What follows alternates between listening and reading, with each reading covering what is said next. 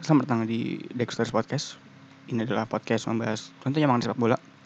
Masih dalam uh, Euro 2020 tentunya. Um, kali ini uh, gue bakal ngebahas mengenai uh, the 16 round recap. Uh, sebelumnya uh, apa kabar teman-teman semua? Semoga selalu diberikan kesehatan, selalu diberikan kebahagiaan dan rezeki, lalu juga apa namanya selalu terjaga dan uh, apa namanya ya di di, di apa didekati dengan dan dikelilingi oleh hal-hal yang positif gitu. Bukan positif covid cuman positif dari vibe atau segalanya gitu. Intinya positif lah.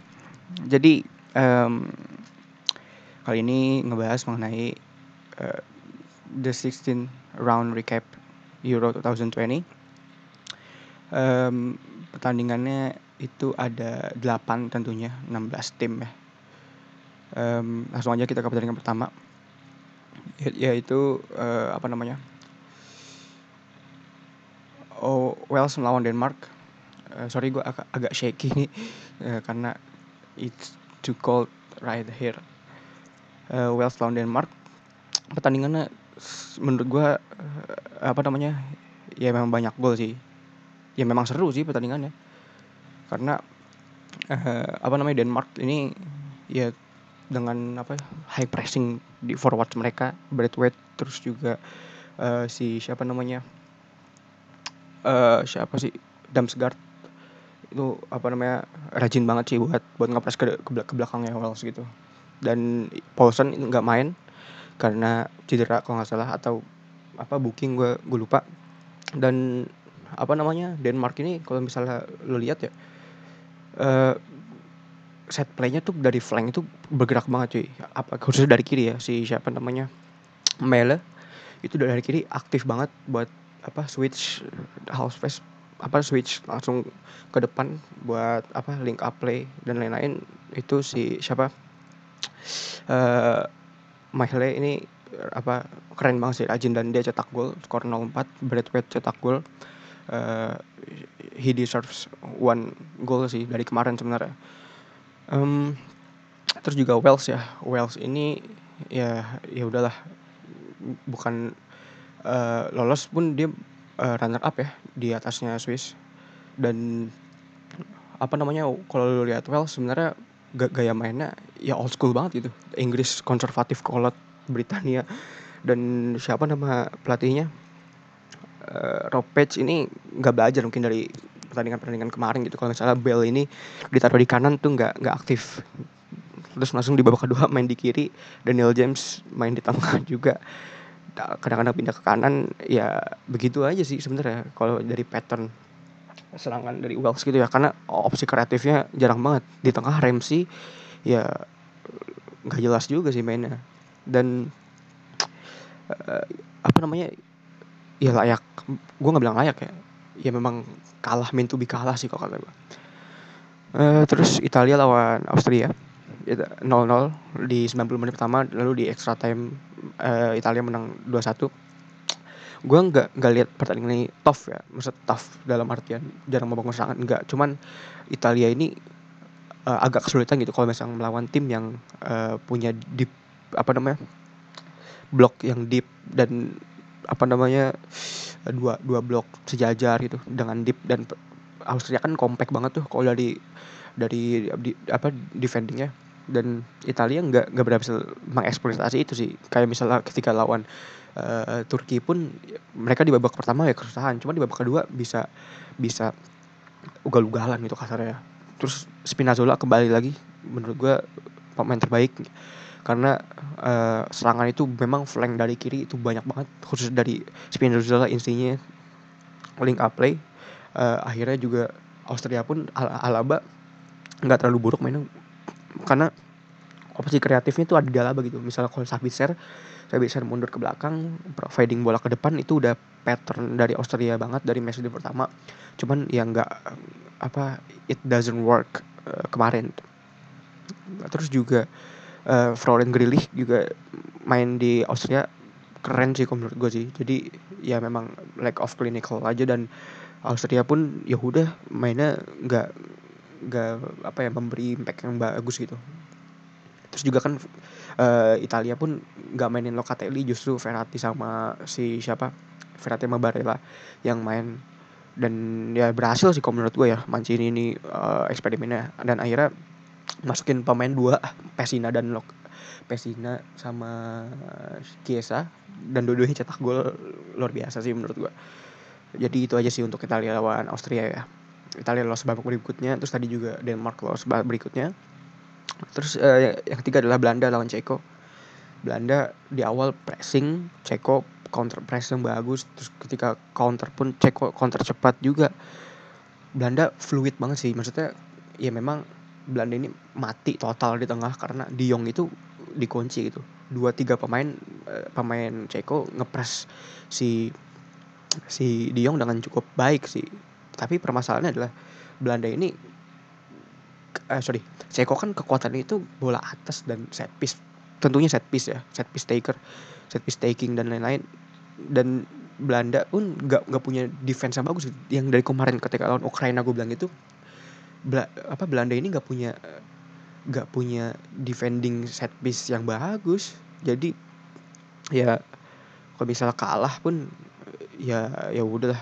Gue gue pikir Belanda kok gue nggak bilang layak kalah ya. Cuman ya pantas dihukum aja sih. Pantas dihukum uh, ya ya udah apalagi tadi uh, Daniel Malen itu di depan muka either chip atau apa tendangan ke bawah gitu seharusnya bisa cetak gol ya. Dan Depa juga mainnya nggak terlalu bagus. Karena uh, Ceko ini punya defense yang compact jadi lu nggak bakal lihat space di belakang di backnya Wells eh Wells di uh, defense-nya Ceko lu nggak bakal lihat ya ya udah sih. Uh, Ceko deserve untuk uh, going through gitu. Um, terus ke Belanda eh Belanda Belgia lawan Portugal. Uh, Belgium ini apa ya dua-duanya sebenarnya main aman gitu. Belgium main aman dengan possession uh, justru possessionnya pun sampai sampai halfnya Portugal dan ini intens banget gitu dari dari awal sampai akhir. Tapi justru yang punya inisiasi serangan lebih bagus justru Portugal gitu. Attemptsnya mereka banyak XG-nya pun apalagi banyak. Permasalahan adalah sebenarnya Portugal ini selain Ronaldo itu nggak nggak punya breaker atau apa ya kasar ya nggak punya target bukan target sih apa? Nggak punya pemecah kebuntuan aja sih. Karena beberapa kali pun si siapa namanya Bernardo dari kanan terus dari kiri Jota juga begitu. Terus uh, di, di tengah pun Renato, Renato Sanchez sangat sibuk box to box terus juga dia merangkap sebagai DM ya. Karena sering banget gitu apa namanya bikin apa dirty job dan lain. Uh, terus juga Belgium. Belgium ini sebenarnya ketika De Bruyne masih main uh, mereka bagus tapi karena De Bruyne ini cabut di babak kedua karena cedera diganti Mertens itu agak loose gitu tengahnya. Jadi uh, kurang ada distribusi yang baik. Tapi Tielemans sama uh, siapa satu lagi? Uh, Axel Witsel ya cukup oke okay sih kan apa mainnya ya. Maksudnya nggak minim minim kesalahan gitu. Terus juga kalau misalnya apa namanya Hazard pun Hazard dua-duanya Torgen sama si Torgen sama si Eden mainnya cukup bagus sih bagus banget malah. Eden sering penetrasi terus juga uh, breaking the the space di di di belakangnya si uh, Portugal. Dan golnya si Torgen ya luar biasa sih. Um, terus um, dan terus uh, Kroasia lawan Spanyol.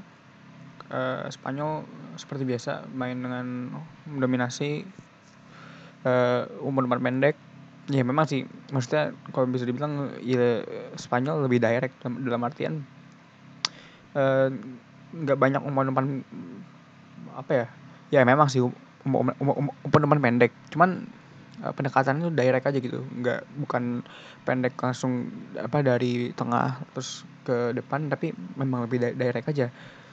Um, memang uh, trio Koke Busquets sama Pedri ini harusnya sih udah jadi apa ya udah jadi paten Henry Henry kayak sih buat di timnas Spanyol ya.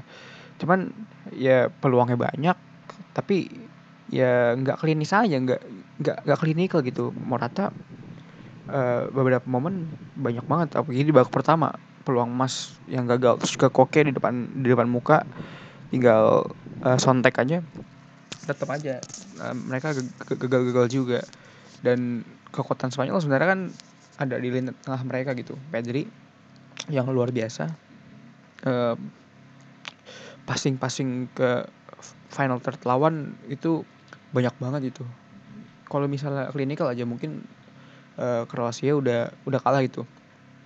Dan ini kan skornya tiga sama ya di waktu normal terus di extra time Spanyol step up 35 dan oh ya sebenarnya ini agak agak ridiculous juga karena gol pertama Kroasia itu kan bunuh diri itu hitungannya Pedri lagi gitu.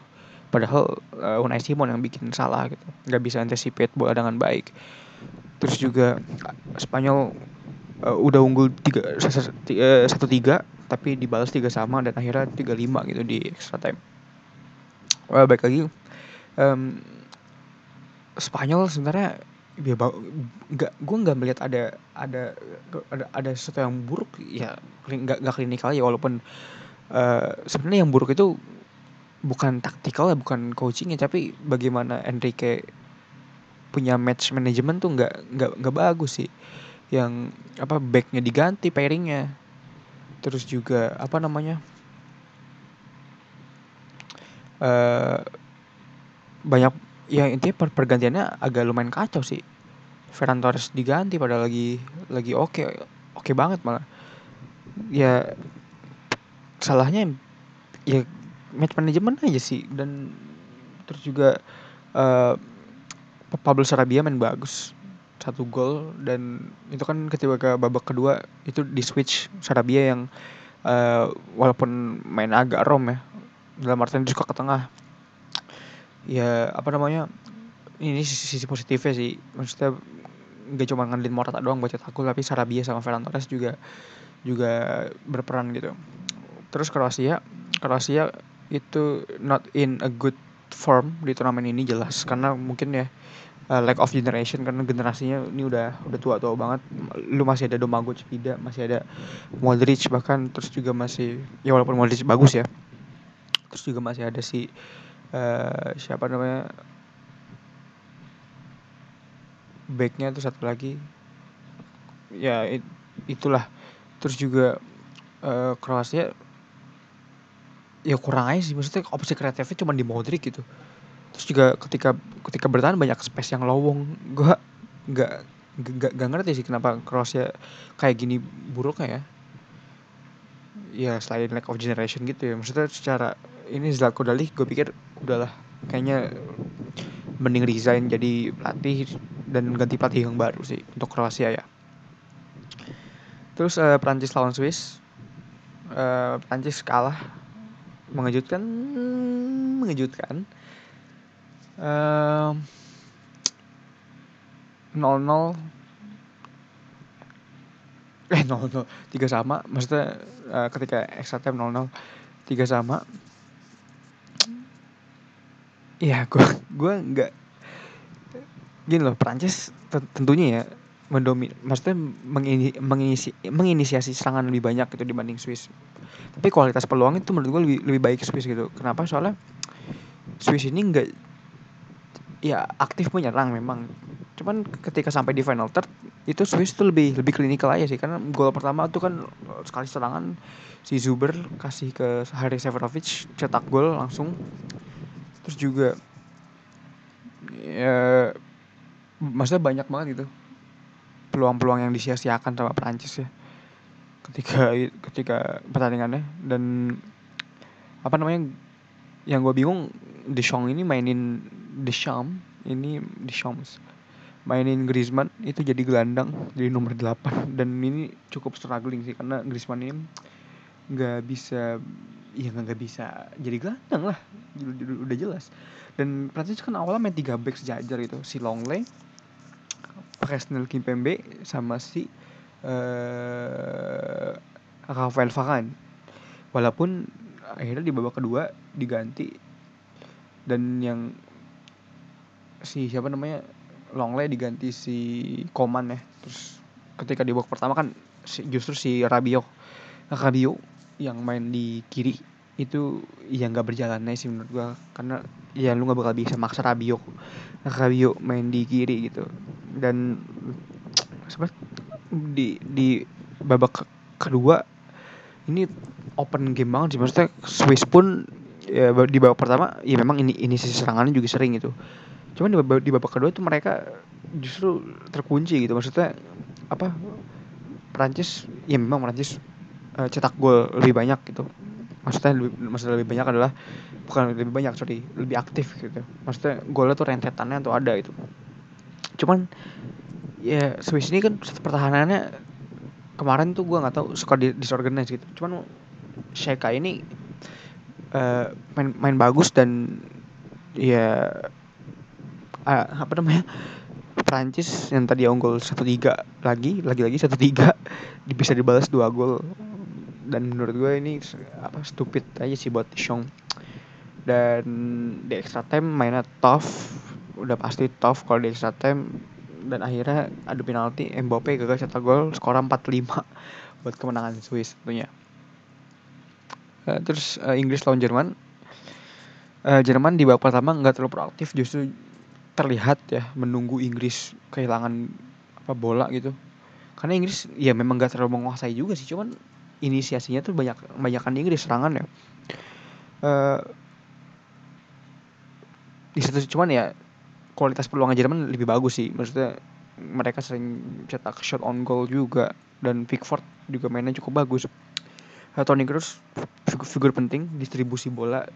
Cuman sayangnya uh, apa namanya gak nggak ada end produk yang dihasilkan. Maksudnya nggak ada ya walaupun Toni Kroos sebagai metronom ya di di lini tengahnya Jerman. Um, tapi di satu sisi gue nggak nggak melihat apa ya ketika di match match sebelumnya kan uh, Jerman tuh ngandelin flank banget.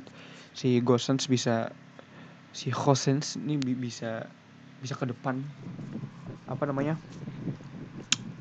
Bisa apa ya bisa langsung ke depan gitu.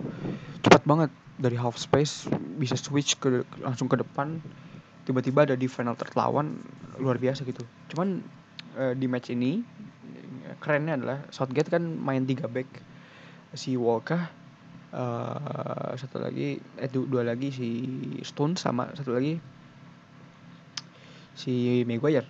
Di kiri itu uh, Shaw di kanan itu Trippier dan salutnya adalah dua dua flank ini itu mematikan Kimmich sama si satu lagi Gosens luar biasa banget.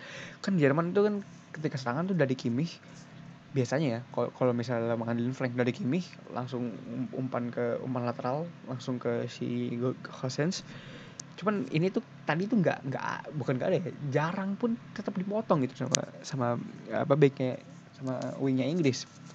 Jadi nggak bisa bergerak bebas gitu uh, terus juga di tengah pun kenapa Kroos nggak punya end product? Maksudnya end product itu ya end passing atau truk pass yang bagus. Karena Calvin Phillips sama si Declan Rice ini main cukup bagus gitu. Walaupun uh, kekurangannya adalah ketika lu main dengan dua gelandang yang bukan tipe kreatif ya nggak kreatif. Jarang banget playmaking playmaking ke depan gitu. Cuman ya ini menurut gue ya bukan suatu uh, petaka tapi kecerdikan seorang Southgate gitu. Oh ya walaupun uh, si Declan Rice itu di awal-awal cukup fragile dapat kartu kuning dispossess ya tapi akhirnya dia bisa step up sih di pertandingan kemarin. Walaupun bukan pertandingan terbaiknya dia ya nggak kayak lawan Kroasia kemarin. Itu Modric bisa di di cover sedemikian rupa gitu sampai nggak bisa gerak. Um, terus juga apa namanya Grealish masuk di babak pertama di babak kedua. Dan ya lebih kreatif. Dan akhirnya Sterling sama si Kane dapat gol. Uh, terus Swedia lawan Ukraina. Swedia bermain proaktif khususnya di babak kedua ya. Karena di babak pertama itu Ukraina justru lebih proaktif dalam serangan. Bukan proaktif ya walaupun Swedia menguasai ya di babak pertama ya. Maksudnya menguasai bola. Cuman mereka nggak bisa punya ini inisiasi serangan yang bagus gitu.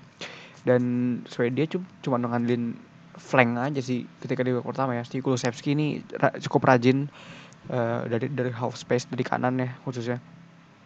Terus juga Isak Isak apa dapat peluang. Forsberg juga cetak gol luar biasa dari jarak jauh. Dan banyak aja sih maksudnya Forsberg ini peluangnya peluangnya banyak cuman kurang klinis dan kurang beruntung lebih tepatnya Swedia juga punya apa backnya juga bagus sih. Danielson sama Lindelof cukup apa bekerja dengan baik ya. Apalagi dengan dua blok yang narrow yang rapat. Itu bikin Ukraina susah dapat space tentunya. Ini cukup positif sih buat buat Swedia sih. Apa namanya uh, catatan positif. Terus juga Ukraina memang di babak pertama ya khususnya. Itu sering keluar dari tekanan gitu. Ya cuman walaupun counter attack mereka tuh kadang-kadang juga bikin ngeri gitu. Maksudnya ketika gol gol Zinchenko itu kan dari counter tuh set playnya cukup baik apalagi di, di depan ya Remchuk sama si eh, Shaparenko walaupun Ruslan Malinovsky baru masuk di babak kedua uh, belum ada instant impact juga. Dan di di flank kanan Karavayev kembali bermain luar biasa menurut gue Karavayev ini apa salah satu pemain yang underrated di turnamen uh, Euro kali ini. Dan Ukraina itu ya selain Swedia juga punya pertahanan yang narrow ya. Ini kan seperti yang gue bilang di prediksi kemarin gitu. Ini kan dua dua tim punya pertahanan yang bagus sama punya counter yang bagus. Dan bakal bakal berjalan tough. Ternyata nggak nggak nggak setaf yang gue bayangin. Dan nggak tough malah. Open banget permainannya. Dan backnya Ukraina ini yang bikin Swedia itu agak bingung gitu.